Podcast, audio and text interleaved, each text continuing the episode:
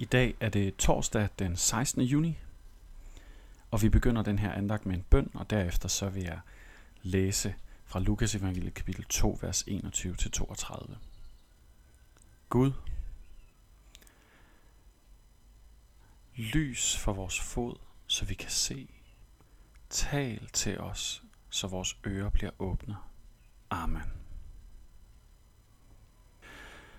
Da otte dage var gået, og han skulle omskæres, fik han navnet Jesus, som han var blevet kaldt af englen, før han blev undfanget i mors liv. Da deres renselsesdag i henhold til Moseloven var gået, tog de ham med op til Jerusalem for at bære ham frem for Herren, som der står skrevet i Herrens lov.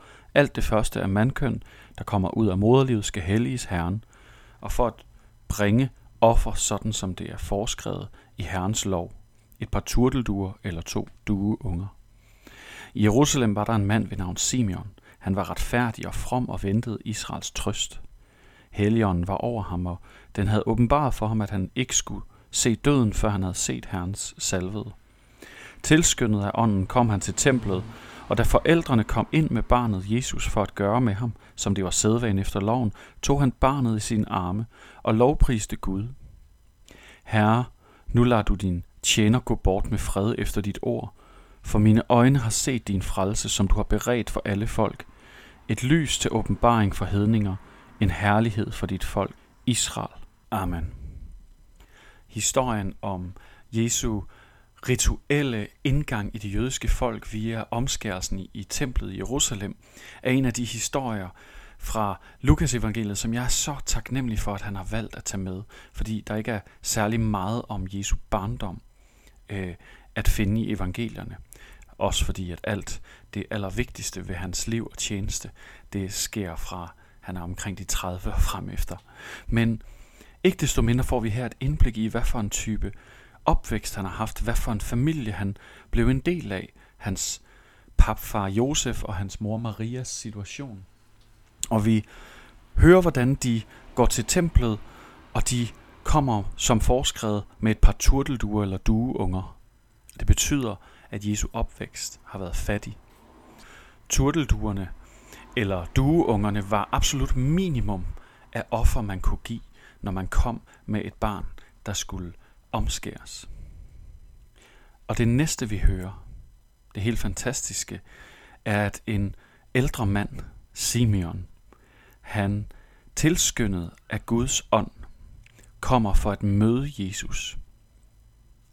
På trods af deres fattigdom, på trods af de svære vilkår, så får Maria og Josef i deres situation med et barn, som de jo overvældet har måttet modtage fra Gud, som de skal passe på, og som de har en idé om, at Gud vil bruge til noget særligt, der får de sådan nogle fantastiske ord og beretninger med sig på vejen.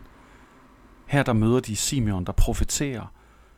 Indirekte profeterer han, men han lovpriser jo bare Gud. Han ser det her barn, og han indser, at Gud han vil bruge den her dreng, den her dreng til at befri og gøre godt. Han taler om, at Jesus skal blive et lys til åbenbaring for hedninger, altså en, der gør, at hedninger, folk som mig, folk der ikke er jøder altså, de må kunne se og forstå, hvem Gud er på grund af ham. En herlighed for folket Israel. Ja, for Jesus er jo opfyldelsen af alle de løfter, som Israel går og venter på skal blive opfyldt. Og så er der et andet perspektiv her i den her lille barndomspassage fra Lukas evangeliet, nemlig at han skulle få navnet Jesus. Navnet Jesus.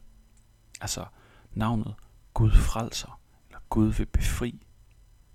På alle måder er Jesu opvækst, på trods af dens fattigdom og svære kår, så er det fyldt med håb, fyldt med små udsagn om, at Gud han vil gøre noget gennem det, der ser ud af så lidt.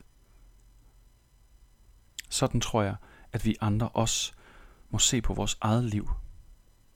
Selvom at det kan stå lidt småt til. Måske med succeserne, måske med sundheden, måske med relationerne, måske med en helt fjerde ting – selvom at det ikke ser ud af noget, at vi i en eller anden henseende er fattige, så må vi bede Gud om, at han ligesom med Jesu forældre, Josef og Maria, vil sende os lyspunkter og opmundringer, små glimt af håb, og at Gud er nærværende og har styr på det. Vi ved, at Maria hun gemte alle de her ord, der blev fortalt hende, talt til hende i sit hjerte. Altså hun huskede på dem, hun grundede over dem, de blev en del af, hvem hun var og hvordan hun forstod verden. Og det er den slags, som vi har brug for, uanset vores omstændigheder. Så tænk på, at Gud han kunne få så meget ud af så lille et barn, af så lille og ubetydelig en familie i verdens store skema altså. Og det samme med dig og mig. Lad os bede sammen. Gud,